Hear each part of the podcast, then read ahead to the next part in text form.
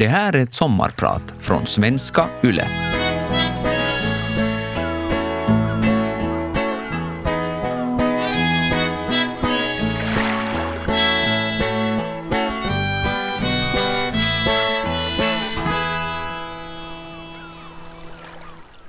Rödbetssaft. Så såg det ut i toalettskålen. Inte hade jag ätit rödbeta dagen innan. Årstiden var helt enkelt fel. Det var försommar och det fanns inga rödbetor. Det röda var blod i urinen. Redan följande vardag satt jag hos läkaren som sa att vi ska följa med. Jag följde med. Den röda nyansen i kisset försvann, men kom regelbundet tillbaka. Ibland sved det obehagligt. På nästa besök beordrades jag antibiotika åt kuren utan någon effekt. Först efter semestern skickade läkaren mig på ultraljudsundersökning som visade att det fanns något överlopps i urinblåsan. I början av september låg jag på en gynekologbrits med särade ben. Ett rör fördes in i urinleden vidare till blåsan. Det kallas cystoskopi. På bildskärmen öppnade sig en vy som påminde om havsbotten med sjögräs, alger och dykande maneter. Allt det där borde inte ha funnits i blåsan. Det var cancer. I Finland insjuknar varje år eh, cirka 1300 personer i cancer i urinblåsan. På EU-nivå är antalet insjuknade 140 000 i året. Jag heter Kai Martin, intendent på museet Amos Rex och idag är jag din sommarpratare. Var inte rädd. Trots att min historia handlar om cancer så är det en lycklig berättelse med lyckligt slut.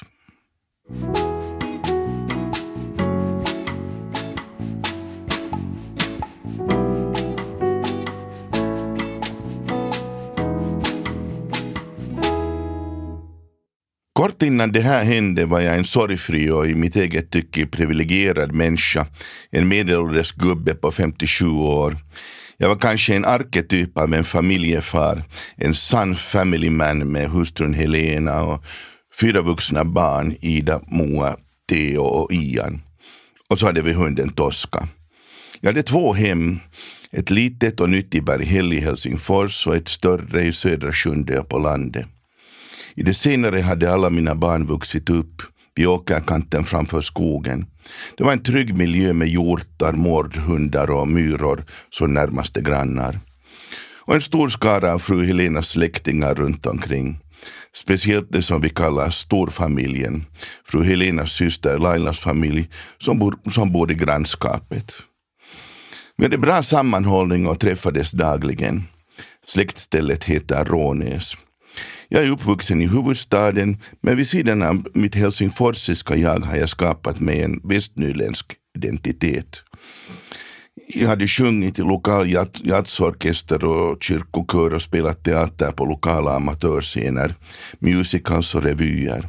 Odlat mina rödbetor och lökar i den bördiga sjunde jorden, i köksträdgård och växthus. Jag levde kanske inte så värst hurtigt, Visst blev det dagliga hundpromenader i skogen, men annars var jag inte så ivrig att röra på mig. Helst tog jag det lugnt med min musik, rock och jazz och klassiskt om varandra samt mina collage som jag själv skapade i min wannabe-ateljé. Klippa och klistra.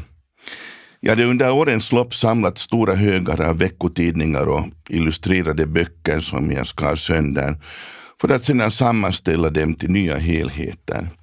Resultatet var alltid överraskande och lite galet, en vrickad version av tillvaron. Musiken och bilderna, det var en stor del av min värld. Och matlagningen. Men min fysiska lathet kompenserades av de övriga familjemedlemmarnas aktiviteter. Alla sysslade med handboll. Även fru Helena som fungerade som lagledare och funktionär eller annars bara ivrig handbollsmamma. Och alla var hungriga när de kom hem och min viktigaste uppgift var att förse familjen med god mat. Det var min roll och en uppgift som jag trivdes med. Först på senare dagar hade jag själv drabbats av handbollsivern och nu följde jag med, noggrant med min yngre son Ian som hade flyttat till Sverige för att spela på högsta nivån. Som konsthistoriker och museiman hade jag mitt jobb i Helsingfors i 27 år hade Amos Anderssons konstmuseum varit min arbetsplats. Jag började där som studerande och blev fast anställd när min prograduavhandling var inlämnad år 1990. Först var jag museilektor, efter drygt tio år kurator och sedan år 2009 intendent. När jag insjuknade hade Amos Anderssons konstmuseum just slutat existera. Ur askan steg ett nytt, större och på många sätt finare museum, Amos Rex, som jag fått vara med och planera. Nu var jag programchef. Det pinfärska museet hade just öppnat sina dörrar med buller och bång. Tiotusentals nyfikna konstvänner från när och fjärran stod och köade till museets biljettkassa. Det nya museet var en succé.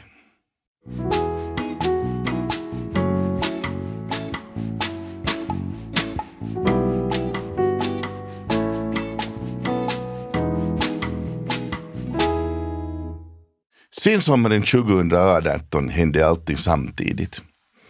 Drygt en månad tidigare hade min mamma plötsligt insjuknat och avlidit mitt i sommarvärmen och jag höll fortfarande på att processa min sorg. På hösten skulle vi dela mammas bo med bouppteckning med min syster Eva. Tio dagar efter cancerdiagnosen totalförstördes inredningen i vårt egna hemshus i Sjunde i en brand i familjens frånvaro. Ett närbeläget träd hade fallit över elledningen i höststormen och förorsakat kortslutning i spisfläkten som började brinna. Och en spisfläkt innehåller ovanligt mycket plast. Allt tänkbart var nersotat och oanvändbart. Här fanns alla ingredienser till en personlig kollaps när världen rasade samman. Men jag måste helt enkelt sluta tänka och gå vidare.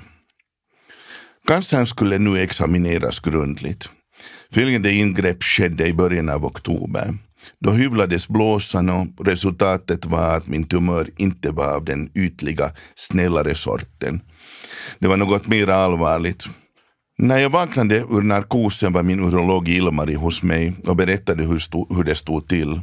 Jag skulle bli av med min urinblåsa, prostata och sedesblåsorna. Istället skulle jag få ett nytt implanterat blåssubstitut gjort av en bit av min tunntarm eller alternativt en utvärters stomipåse. Allt berodde på huruvida urinledaren tagit skada. Hur som helst så väntade en stor operation. Sedan började det hända. Jag blev indragen i ett stort effektivt hälsomaskineri där alla människor hade en given uppgift. Min roll var att vara patient och min uppgift var att bli frisk. Följande veckor slog man fast min vårdstrategi. Först två olika slags cellgifter med korta pauser emellan i drygt två månader. Efter det en månads vila var efter själva operationen. I slutet av oktober blev jag sjukskriven från jobbet då jag fick min första 24 timmar långa tunga cytostatikabehandling. På cancerkliniken i Mejlands umgicks jag med en hel rad själsfränder som pumpades i olika preparat eller fick strålbehandling. Det var mina ödeskamrater, fina människor som stödde varandra. Där fanns både yngre och äldre, kvinnor och män från olika delar av landet. Och det spelade ingen roll eh, om du var från slott eller koja, akademiker eller donare. Det rådde en stor sammanhållning. Jag var inte ensam. Jag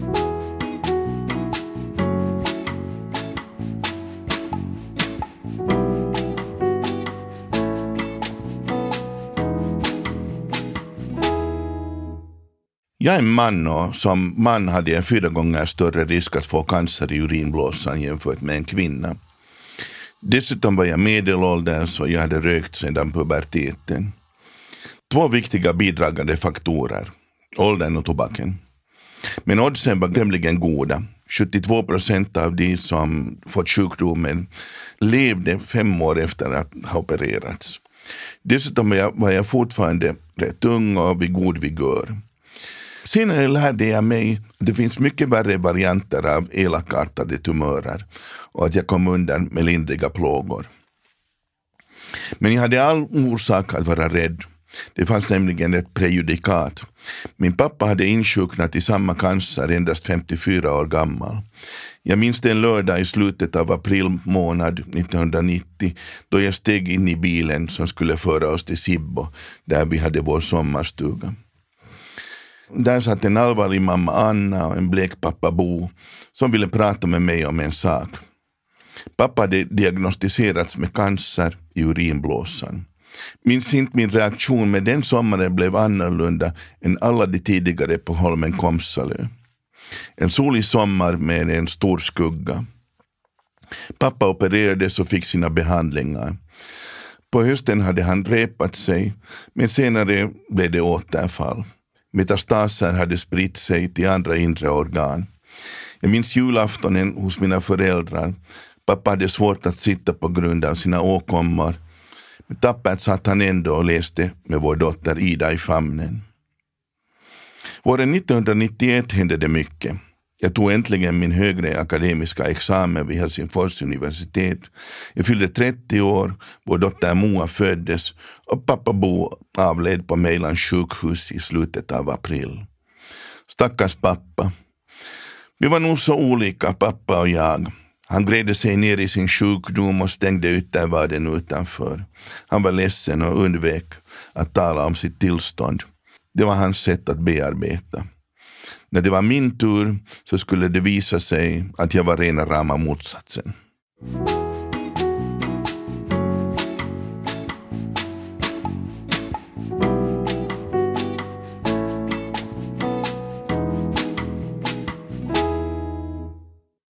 Jag heter Kai Martini och jag är din sommarpratare idag. Min berättelse handlar om livet i skuggan av min cancersjukdom som jag drabbades av för snart tre år sedan. Jag hade alltså cancer och det var en ny situation, en stor förändring i mitt liv. Nu var sjukdomen i mina tankar när jag vaknade och där var den fortfarande när jag somnade. Den upptog min tillvaro. Men människan är anpassningsbar. Därför klarar hon sig även i extrema situationer. Automatiskt, utan att grubbla över saken desto mera, tog jag en positiv hållning till sjukdomen. En bidragande sak var att jag både av läkaren och mina chefer fick lov att fortsätta med mitt arbete trots att jag var sjukledig. Jag fick jobba i egen takt på hemmakontoret i vår lilla tvåa i Berghäll. Sjunde hemmet var ju förstört och obeboeligt. Jobbet var viktigt. Jag älskade mitt värv och hade energi att bidra då det nya Amos-museet var inne i en stark utvecklingsperiod. Det höll mina tankar borta från sjukdomen. Jag kände att jag gjorde något betydelsefullt och att jag fortfarande var en del av teamet. Visst är det de starka cellgifterna på hälsan och krafterna. Några dagar efter att man pumpat i mig preparatet slog illamåendet till som en grå betongvägg.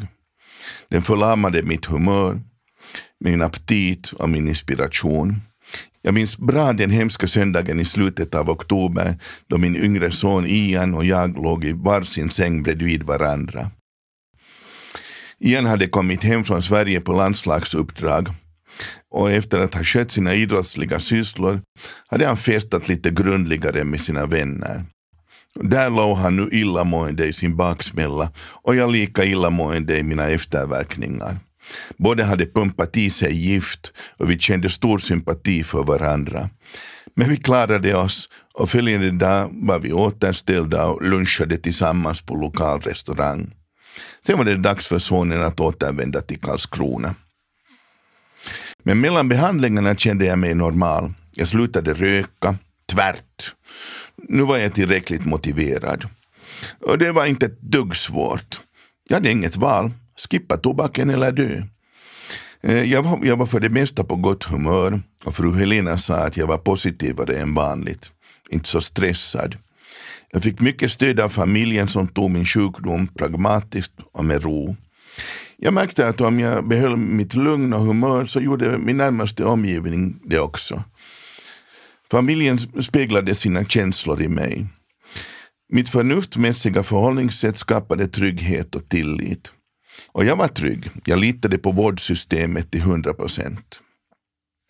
Hela tiden processade jag min situation i olika sociala medier, närmast på Facebook. Där hade jag mina vänner, bekanta och andra människor. Det blev liksom min dagbok i trygg miljö där alla visste vem jag var.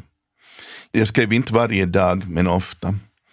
Om mina känningar och känslor, mina glädjeämnen och dubier och rädslor. Jag höll hela tiden en viss distans kryddad med humor. Men jag var ärlig och uppriktig. Märkte att det var mitt sätt att eh, ta avstånd och strippa av den dramatik som förknippas med cancer. Och jag fick mycket respons för min öppenhet. Jag blev kontaktad av vänner som hade gått igenom samma eller andra allvarliga sjukdomar. Min cancer blev en social angelägenhet.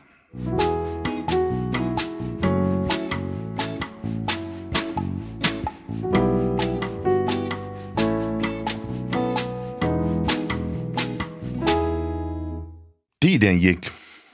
På annandag jul reste storfamiljen, alltså min familj och fru Helenas systers familj, till Åre på skidsemester. Alla utom jag som hade förbjudits att följa med av min läkare. Jag skulle få mina sista cytostatika behandlingar. Jag fick nöja mig med att beundra de alla härliga skidbacks och afterski-bilder som skickades till mig.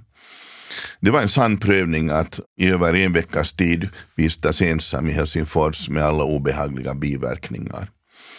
Den värsta dagen var såklart nyårsafton, så jag som tur äh, firade tillsammans med gamla goda vänner i Ingo. Men inte var jag precis något, något roligt sällskap. Behandlingarna hade tärt på min hälsa. Jag tappade 10 kilo av min vikt och två tredjedelar av mitt tjocka mörka hår. Nu stretade de styva gråa hårstråna åt alla håll som på punkrockaren Johnny Rotten på 70-talet. Mina blodvärden och min motståndskraft sjönk och jag fick obehaglig lunginflammation. Samtidigt drabbades jag av oro inför det som skulle komma. Trots att jag var väl informerad så visste jag inte vad som väntade mig på riktigt. Den kommande operationen och tiden efter den kändes som att träda in i en mörk, obekant skog med alla tänkbara faror och risk att gå vilse. Men visst roade jag mig också med sånt som jag inte tidigare haft tid med. Jag kunde till exempel fördjupa mig i, i Ingmar Bergmans produktion. Och det var fantastiskt. Jag såg säkert ett dussin filmer plus alla dokumentärer om regissören. Med viskningar och rop med den allvarligt cancersjuka systern, det var för mycket. Den filmen blev på hälft. Dagen innan operationen var en solig och vintrig söndag i början av februari. Då publicerade dagstidningen Hustadsbladet en artikel om mig och min cancer. Den upptog nästan ett helt uppslag och var skriven av redaktören Annika Rentola, som också citerade mina dagboksanteckningar och använde mina egna fotografier. Till och med ett av mina collage. Artikeln var utan tvekan en viss höjdpunkt och samtidigt en final för en era. På måndagsmorgonen satt jag i sjukhusets väntrum iklädd operationsuniform. I rummets television berättades det att backhopparen Matti Nykänen hade avlidit. På Facebook laddade jag upp en video eh, där jag på ett kajmartinskt sätt tog avsked av mitt sexliv. Videon består av en talande knackkorv som melankoliskt vinkar farväl till sexlivet. Det fanns nämligen en stor fara att de avgörande organen skulle ta allvarlig skada. Väl i operationssalen omringades jag av fyra sköterskor och en anestesiläkare. Jag såg på dem, tackade dem på förhand och fällde en tår. Sen blev allt svart.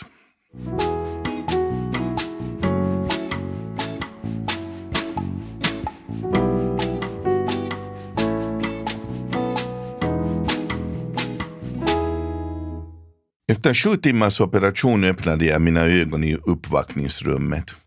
Min urolog Ilmari dök upp och berättade att allt gått bra. Allt det som skulle tas bort hade, hade avlägsnats. Ytligt såg det ut som om man fått koll på cancern. Jag hade fått en ny implanterad surrogatblåsa gjord av en bit av min tunntarm. Vilken lättnad. Nio olika slangar och rör gick in och ut ur min kropp. Jag var helt slut och kraftlös, men redan följande dag skulle jag upp och gå med hjälp av en rollator. Först ett par steg, följande dag flera och sen ännu flera. Sjukhuspersonalen med alla läkare och skötare var de som gjorde den annars så opersonliga och kliniska hälsofabriken till ett mänskligt ställe. Min mamma hade varit fysioterapeut i sitt yrke och de som jag tyckte mest om var avdelningens medikalgymnaster som tappert lärde mig att gå och röra på mig. Så småningom minskade mängden slangar samtidigt som jag återhämtade mig. Jag minns den stund då jag fick livskraften tillbaka. Det var fem dagar efter operationen och en lördag. Jag låg på mitt rum och plötsligt kände jag mig lätt i sinnet och ville absolut se en fyrdelad dokumentär om den romantiska eran inom musikhistorien. Det var så bra att jag för en liten stund glömde min egen tillvaro. Det var en vändpunkt. Efter elva dagar fick jag åka hem för att återvända inom kort. Då avlägsnades katetern och den nya urinblåsan togs i bruk på allvar. Det var en lång väg att gå, för samtidigt skulle jag lära mig hålla mig torr med hjälp av bäckenbottenmuskulaturen. Den skulle stärkas med daglig gymnastik. Jag hade alltså blivit av med ringmuskeln som höll kisset kvar i blåsan. Kort därefter blev det återfall. Jag fick information i urinledarna och hög feber. Jag togs in på Mejlans sjukhus där jag tillbringade fem frustrerande dygn. Det var inte alls roligt. Jag hade fått nog av sjukhusliv och dålig mat och undantagstillstånd. Jag ville hem. De följande veckorna var de värsta. Jag drabbades av något slags posttraumatisk depression. Speciellt kvällarna var tunga. Jag var känslig och tålde inte alls några negativa känningar och obehagligheter. Jag var viljelös och den, lilla berghällstvåan började kännas trång. Jag hade svårt att sova och fick ty mig till insomningspiller. Jag var rådlös och hade ångest för första gången i mitt liv. Det var så allvarligt att jag besökte en psykiater för att få hjälp. Men det blev bara en enda gång. För sedan återgick livet till normalare banor och jag fick annat att tänka på än enbart hälsan.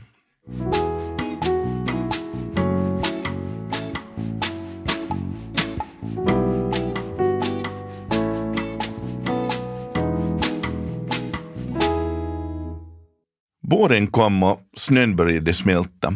Dagarna blev längre och solen sken allt oftare. Vi hade fullt upp med att inreda vårt sjunde hem som hade förstörts av all sot och rök.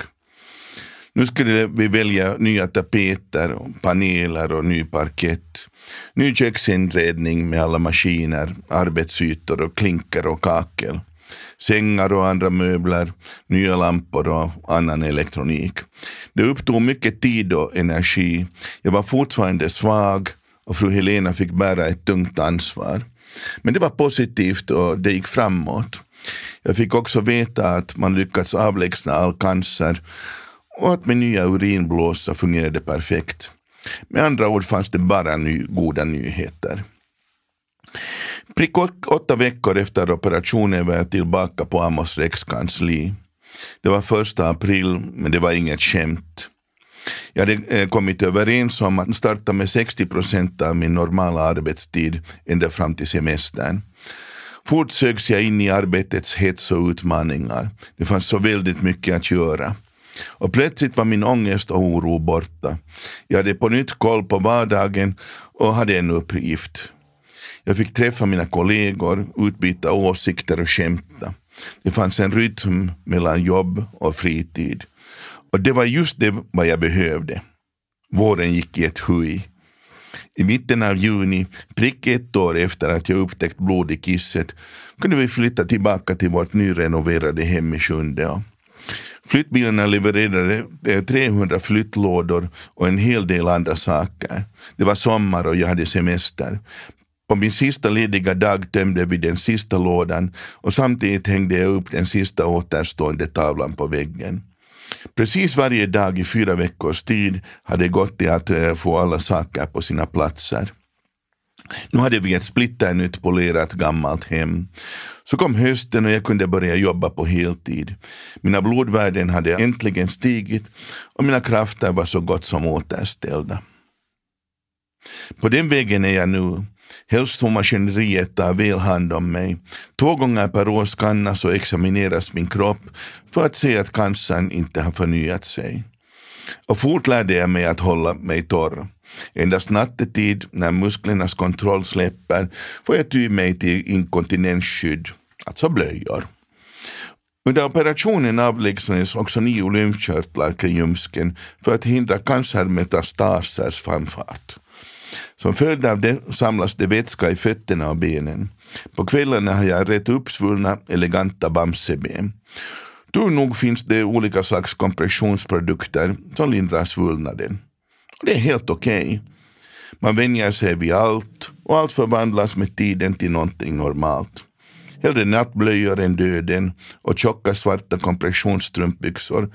Det kan vara helt sexiga. Och sexlivet då?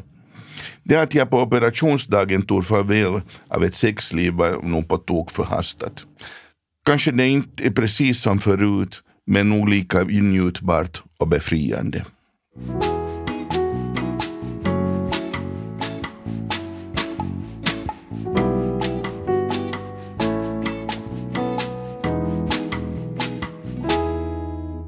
När jag nu blickar tillbaka på det som hänt är jag i stor utsträckning samma Kai Martin som en gång i tiden var en lycklig och privilegierad man under en era före sjukdomen.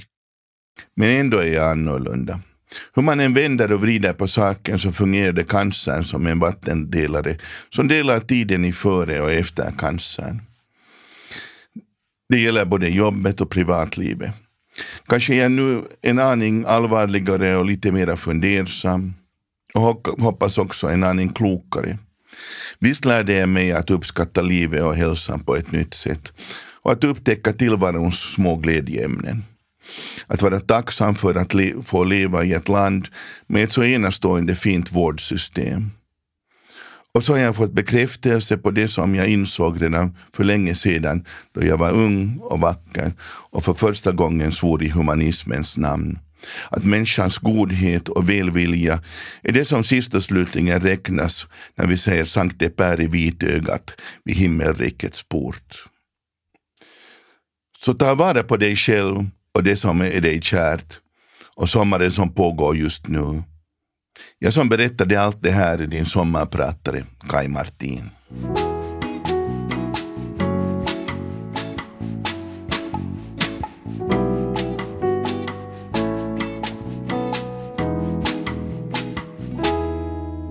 Vegas sommarpratare produceras för Svenska Yle av Parad Media.